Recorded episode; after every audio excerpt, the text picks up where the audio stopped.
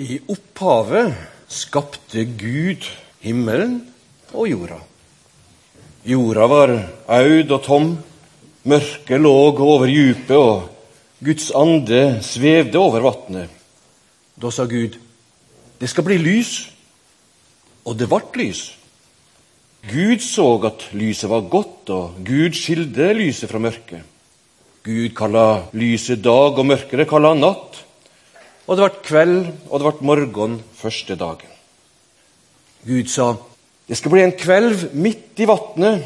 Han skal skilje vann fra vann. Gud laga himmelkvelven og skilde vatnet som er under kvelven, fra vatnet som er over kvelven. Og slik ble det. Gud kalla kvelven himmelen, og det ble kveld, og det ble morgen andre dagen. Gud sa, Vatnet under himmelen skal jeg samle på en stad. Det tørre landet skal komme til syne. Og slik ble det. Gud kalla det tørre landet jord, og vatnet som hadde samla seg, kalla han hav. Og Gud så at det var godt. Gud sa, jorda skal bli grønn. Grønne vekster skal gro på jorda, og planter som setter frø, og frukttre som bærer frukt med frø i av alle slag. Og slik ble det. Jorda bar fram grønne vekster, planter som setter frø av alle slag, og tre som bærer frukt med frø i av alle slag. Og Gud så det var godt. Og det ble kveld, og det ble morgen tredje dagen. Gud sa, det skal bli lys på himmelkvelven til å skilje dag fra natt. De skal være teiknen for høgtider, dager og år. De skal være lys på himmelkvelven og skine over jorda og slik ble det. Gud laga de to store lysa. Det største lyset til å herske over dagen, og det minste til å herske over natta og stjernene. Gud sette dem på himmelkvelven til å lyse over jorda, til å herske over dagen og over natta, og til å skilje lyset fra mørket. Og Gud så det var godt. Og det ble kveld, og det ble morgen fjerde dagen. Gud sa, det skal kry av liv i vatnet. Fugler skal flyge over jorda og oppunder himmelkvelven. Og Gud skapte de store sjødyra og hver levende skapning av alle de slag som vatnet yrer og kryr av, og alle slags fugler med venger. Og Gud så det var godt. Og Gud velsigna dem og sa:" Vær fruktbare og bli mange, og fyll vann i havet, og fuglene skal bli mange på jorda. Og det ble kveld, og det ble morgen femte dagen. Gud sa, jorda skal bære fram levende skapninger av alle slag. Fe, kryp og villdyr av alle slag. Og slik ble det. Gud laga alle slags ville dyr og alle slags fe og kryp på mark av alle slag, og Gud så det var godt. Gud sa, la oss lage mennesker i vårt bilde, så de likner oss. De skal rå over fiskene i havet og fuglene under himmelen, over fe og alle villdyra og alt kryp som det kryr av på jorda. Og Gud skapte mennesket i sitt bilde. I Guds bilde skapte han det. Som mann og kvinne skapte han dem. Gud velsigna deg og sa til deg, vær fruktbare og bli mange. Fyll jorda og legg den under dykk. Det skal råde fiskene i havet og over fuglene under himmelen og over alle dyr som det kryr av på jorda. Og Gud sa, Sjå, jeg gjev dykk alle planter som sitt frø, så mange som fins på hele jorda, og alle tre som bærer frukt med frø i. Det skal det ha å ete. Og til alle dyra på jorda, og til alle fugler under himmelen, og til alt som kryr på jorda, alt som har livsande i seg, gjev all grøne planter å ete. Og slik ble det. Gud så på alt han hadde gjort, og så, det var svært godt. Og det ble kveld, og det ble morgen sjette dagen. Slik lyder Herrens ord. Han som heter um, Alistair McIntyre, en filosof, han har sin måte å snakke om dette med fortellinger på, og betydningen av fortellinger for oss mennesker. Uavhengig av om vi tror på noe utenfor oss selv, om vi har en religion. Så sier han Du kan ikke svare på spørsmålet 'Hva skal jeg gjøre?'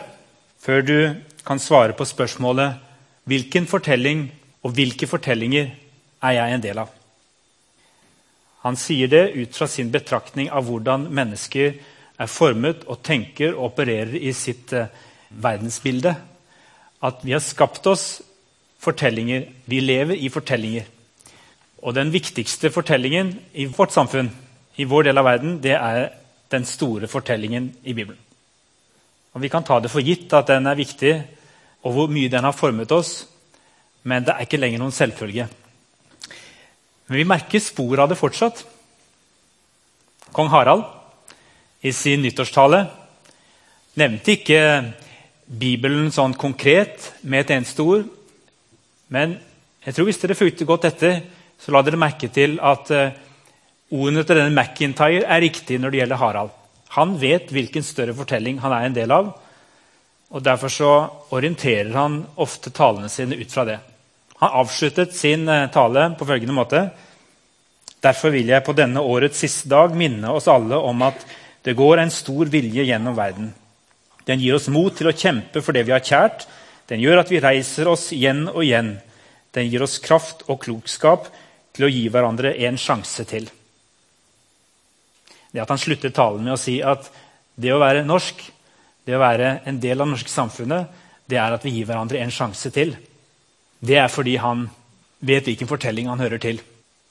Det er ingen andre religiøse fortellinger eller åpenbaringer om mennesket i skaperverket som så tydelig fremstiller denne tanken om at Gud gir oss nye sjanser. Og Noe av det kommer vi til å høre når vi går gjennom Det gamle testamentet, deler av den i vår og i høst. For vi dukker borti disse trosheltene som stadig vekk blir brukt av Gud, men som faller, og som trenger nye sjanser. Det er snarere på tross av enn på grunn av at de er med i denne tidslinjen og fortellingen om hva Gud har gjort med oss mennesker. Og Derfor så tenker vi at det å jobbe med den i sammenheng, sånn som vi skal forsøke å gjøre nå, det er viktig fordi at uh, vi kan ikke ta for gitt lenger at disse fortellingene lever i oss. Vi er et såkalt postkristent samfunn. Det betyr at ja, vi er et samfunn som fortsatt er preget av den store fortellingen, men stadig flere av oss er oss ikke bevisst hvor det kommer fra, og hva slags viktighet og autoritet det har i våre liv.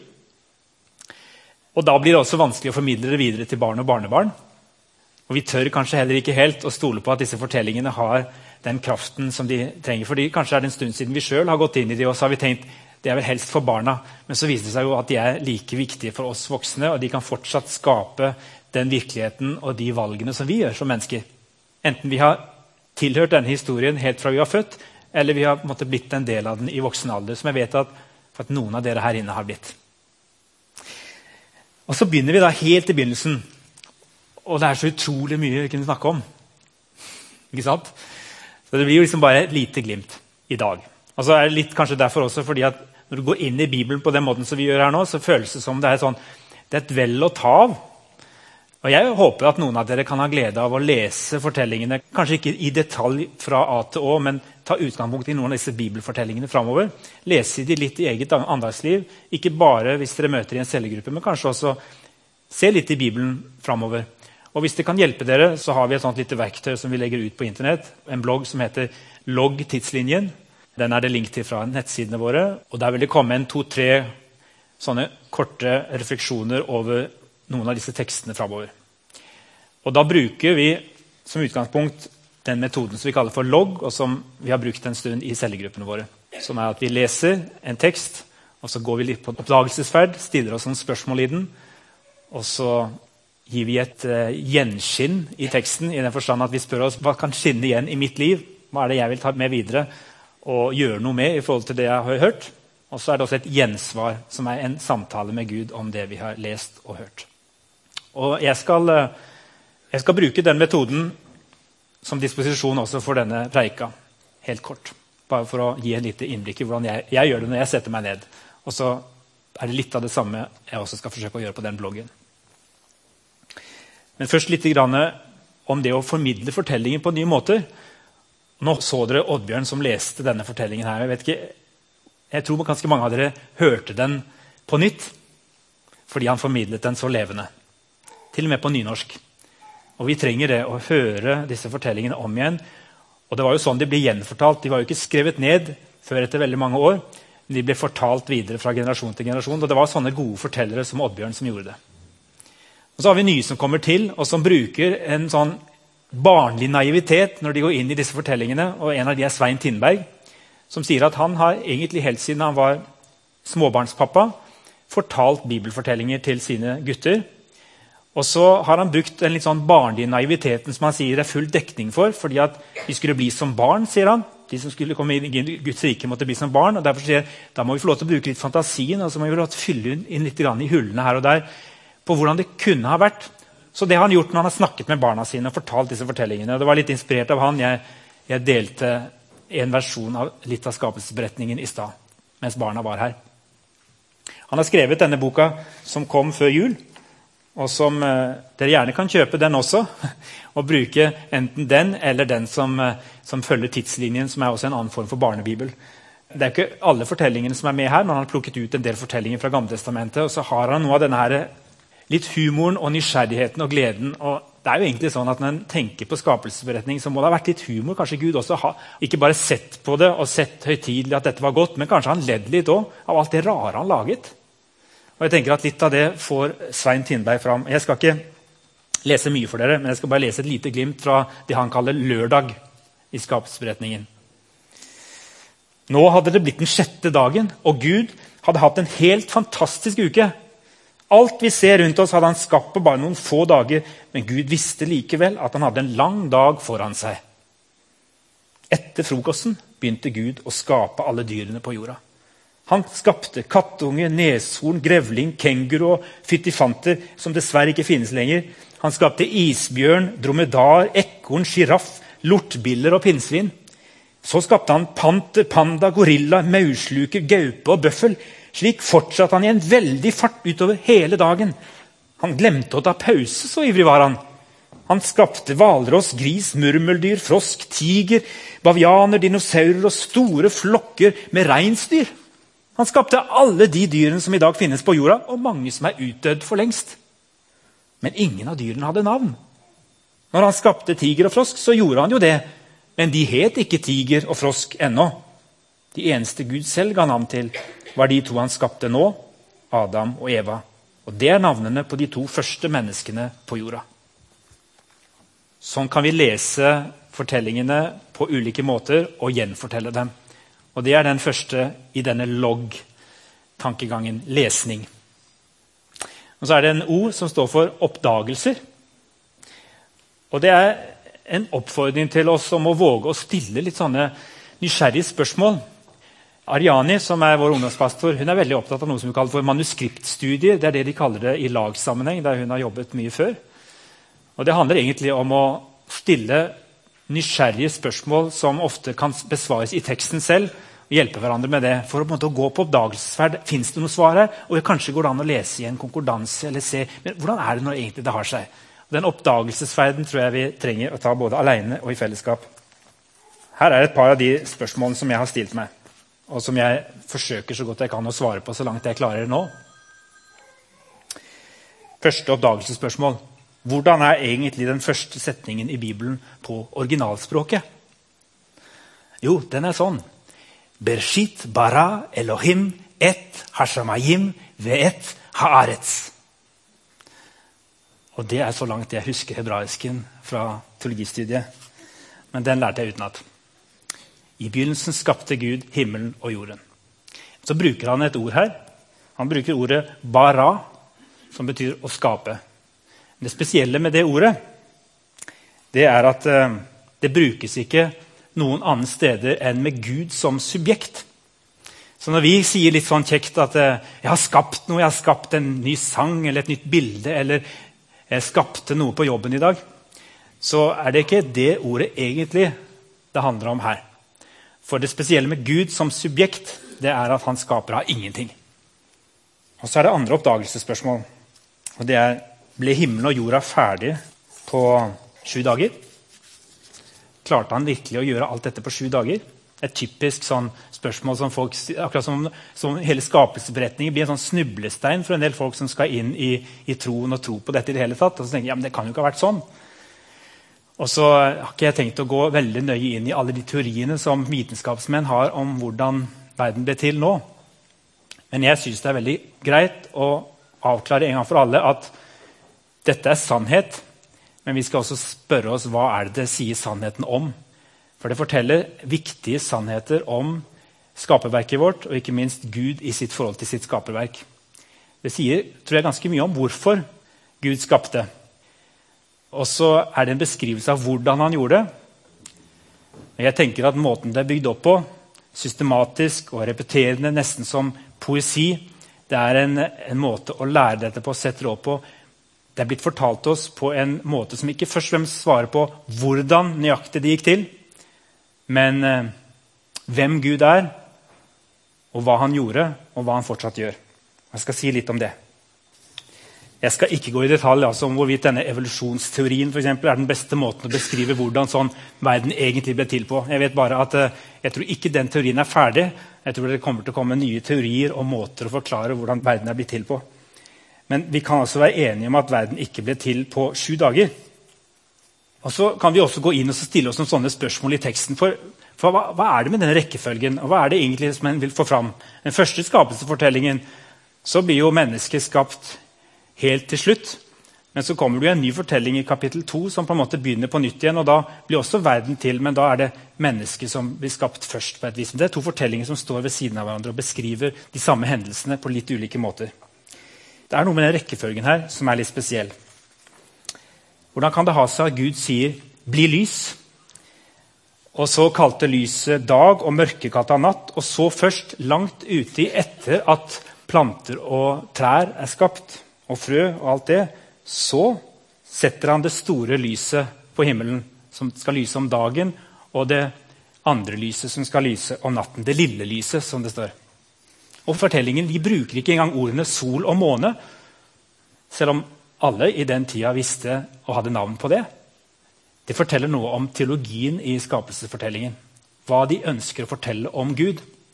For dette er forkynnelse mer enn noe annet. Det betyr for det første at lys og mørke det, det tror jeg fortsatt har også her en overført betydning. At mørket står for kaoset, det motsatte av liv. En sånn totalitet av mørke som, som Gud kommer inn og gjør noe med ved å, å sette lyset i gang. Og Sola blir da mer som et gjenskinn av det overordnede livslyset som er kilden til alt liv. Og det i neste omgang, det lyset som også personifiserer Jesus når han sier 'Jeg er verdens lys'. Den som kommer til meg, skal ikke vandre i mørket, men ha livets lys. Men det er mer her. For han sa i vers 14 det skal bli lys på himmelhvelvingen til å skille dag fra natt. Det skal være tegn for høytider, dager og år. Gud laget de to store lysene. Han plasserer de inn et stykke ute i skaperverket sitt og så gir han dem en funksjon. De er tegn som skal organisere tida vår. Og han gir dem ikke engang navn, men han bare kaller dem for det store og det lille lyset. For i, i omgivelsene, i de orientalske omgivelsene der disse fortellingene ble fortalt første gang, så trodde man ikke på en skapergud på den måten som var blitt åpenbart til jødene. Der trodde man på mange guder. Og De fleste av gudene de fant de i skaperverket. Og to av de var sola og månen. Og de tilba dem.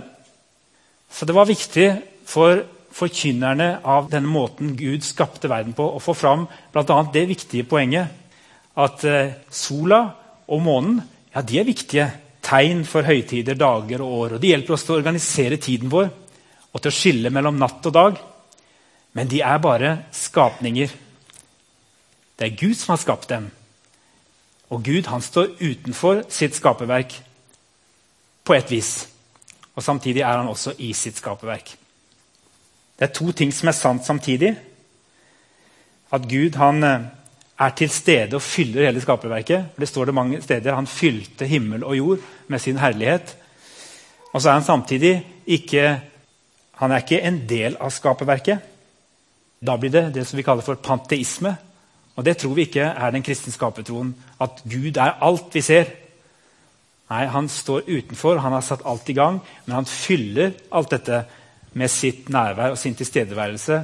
Og alt det vi ser rundt oss, også det skapte, og vi mennesker, vi er på en måte et gjenskinn av hans fantastiske ideer og hans vesen. Hvis vi hadde trodd at Gud var bare noe annet enn skaperverket, hvis han bare var utenfor, så er det jo en del som tenker sånn at det, alt det vi kan se og ta på, det, det er jo det naturlige, den naturlige virkeligheten. Det som har med åndelige ting å gjøre, det som har med Gud å gjøre, det er jo alt det innimellom. Alt det som vi kan fylle inn i hullene, det som vi ikke kan forklare, det er kanskje Gud. Men det er heller ikke en kristen skapertro. For Gud han hører til i helheten. Han gjennomstråler alt det han har skapt. Paulus han sier det. Det er i Gud vi lever, beveger oss og er til.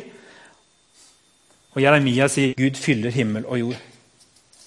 Han er liksom på den ene siden allestedsnærværende, men det betyr ikke at alt er Gud, eller at naturen består av guder, sånn som de andre orientalske rikene trodde når de tilba bl.a. sol og måne.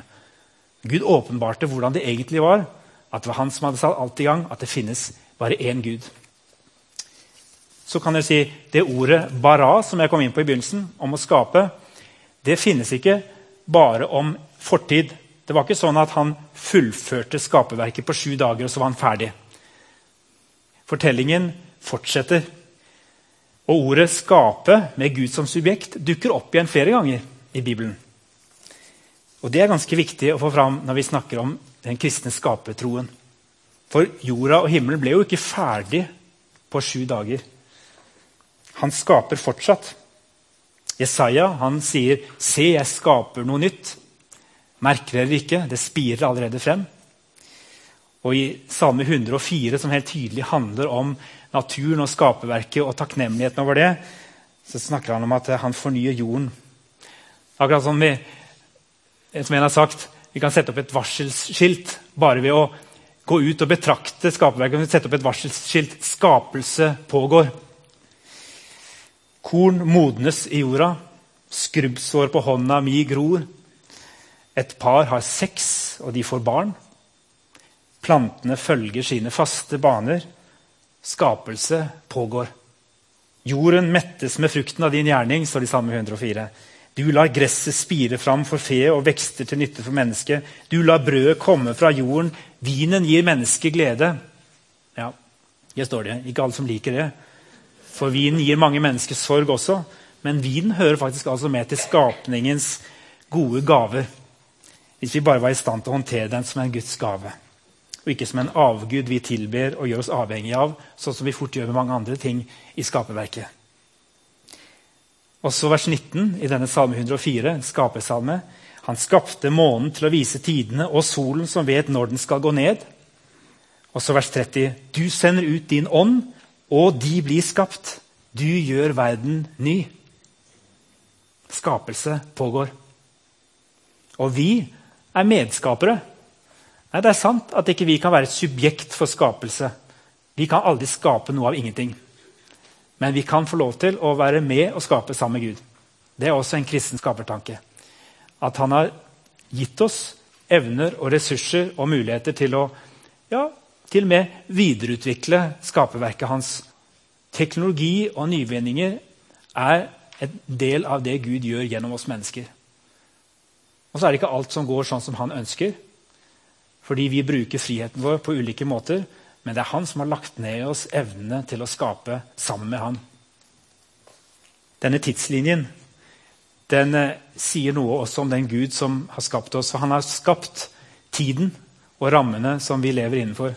Han er på en måte utenfor denne tiden. Det står noe om det i Peter sier noe om det i sitt brev, om at eh, for Gud er tusen år som én dag, og én dag som tusen år. Og Det forteller noe om at Gud han er ikke bundet og begrenset av tid. Den er en del av det han har skapt. Han står på sitt sett og vis utenfor det utgangspunktet. Og Så befinner vi oss et eller annet sted på denne tidslinjen. Men vi vet også at den har hatt en begynnelse, denne tiden. Og den har en slutt. Og så skal det skje noe når denne tidslinja er ferdig. Vi er en plass langt ute i den og venter på det som skjer mellom Jesu første og andre gjenkomst. Skapelsen den er altså ikke avslutta. Det er noe som gjenstår, noe overveldende og bortenfor det vi kan fatte. Og Det er ikke bare universet som forvandles, men vi mennesker vi skal også gå gjennom en forvandling. Og Det står at han skal skape en ny himmel og en ny jord. Men han så jo at det var så godt og vakkert, det han hadde skapt. og Det var han som satte det i gang. Så jeg er overbevist om at den nye himmelen og den nye jorda kommer til å ha mange likhetstrekk med det vi ser her og nå. For det var jo Gud som sto bak begge deler. Og Til slutt så spør vi oss i dette cellegruppeopplegget mye når det gjelder dette med oppdagelsesferd, så spør vi oss hva fins det av spor av Jesus her? Går det an å finne Jesus i, også i Det gamle testamentet? Ja, vi tror det fins spor av Jesus hele veien. Og det står om den tredje Gud også skjult referert allerede i Det gamle testamentet. Når det står at Guds ånd svevde over vannet, så er det den samme Hellige ånd som senere gjør at Maria kan få et barn, selv om hun ikke har vært sammen med Josef. Og at Jesus blir født inn i denne verden.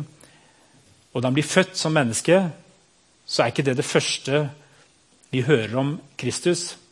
Men eh, han er der allerede i skapelsen. Og Det sier eh, Johannes-evangeliet på en finurlig måte. og tar utgangspunkt i, i ulike tradisjoner, visdomstradisjoner, så slår han fast noe nytt som kanskje bare var skjult til stede i skapelsesberetningen. Nemlig at det ordet som Gud brukte når han skapte alt sammen, bare ved ord, det var egentlig en person som strålte ut av Gud selv. Og Det ordet kommer tilbake i Johannes evangeliets første kapittel, når det står at i begynnelsen var Ordet. Ordet var hos Gud og ordet ble menneske. Da er det jo også sånn at Gud går inn i sin tid og begrenses av tidslinja. på sett Og vis. Og Det er ganske spennende, som vi kommer inn på etter hvert. Kristus var der og skapte helt i begynnelsen sammen med Gud. Og Ånden de var et fellesskap, men de var ikke seg sjøl nok. Jeg sier det i en av disse loggene som jeg la ut denne uka. Verden var aldri aleine. Gud var der. Han som er den han er og alltid har vært det. Tre i én. Skaperen sammen med Ordet, Logos, Kristus og Ånden før alle tider. Treenighetens guddommelige sirkel. De kunne valgt å la ringen være sluttet, de tre. De kunne forbli bare de tre igjen. og Isteden valgte de å åpne ringen og spre lyset. Jeg tror det er den viktigste grunnen til at Gud skapte. Ikke fordi han var ensom, for han er fullkomment fellesskap i seg selv men han har ikke nok med seg selv. Så ut av dette fellesskapet mellom Faderen, Sønnen og Hellig Ånd så stråler skaperverket.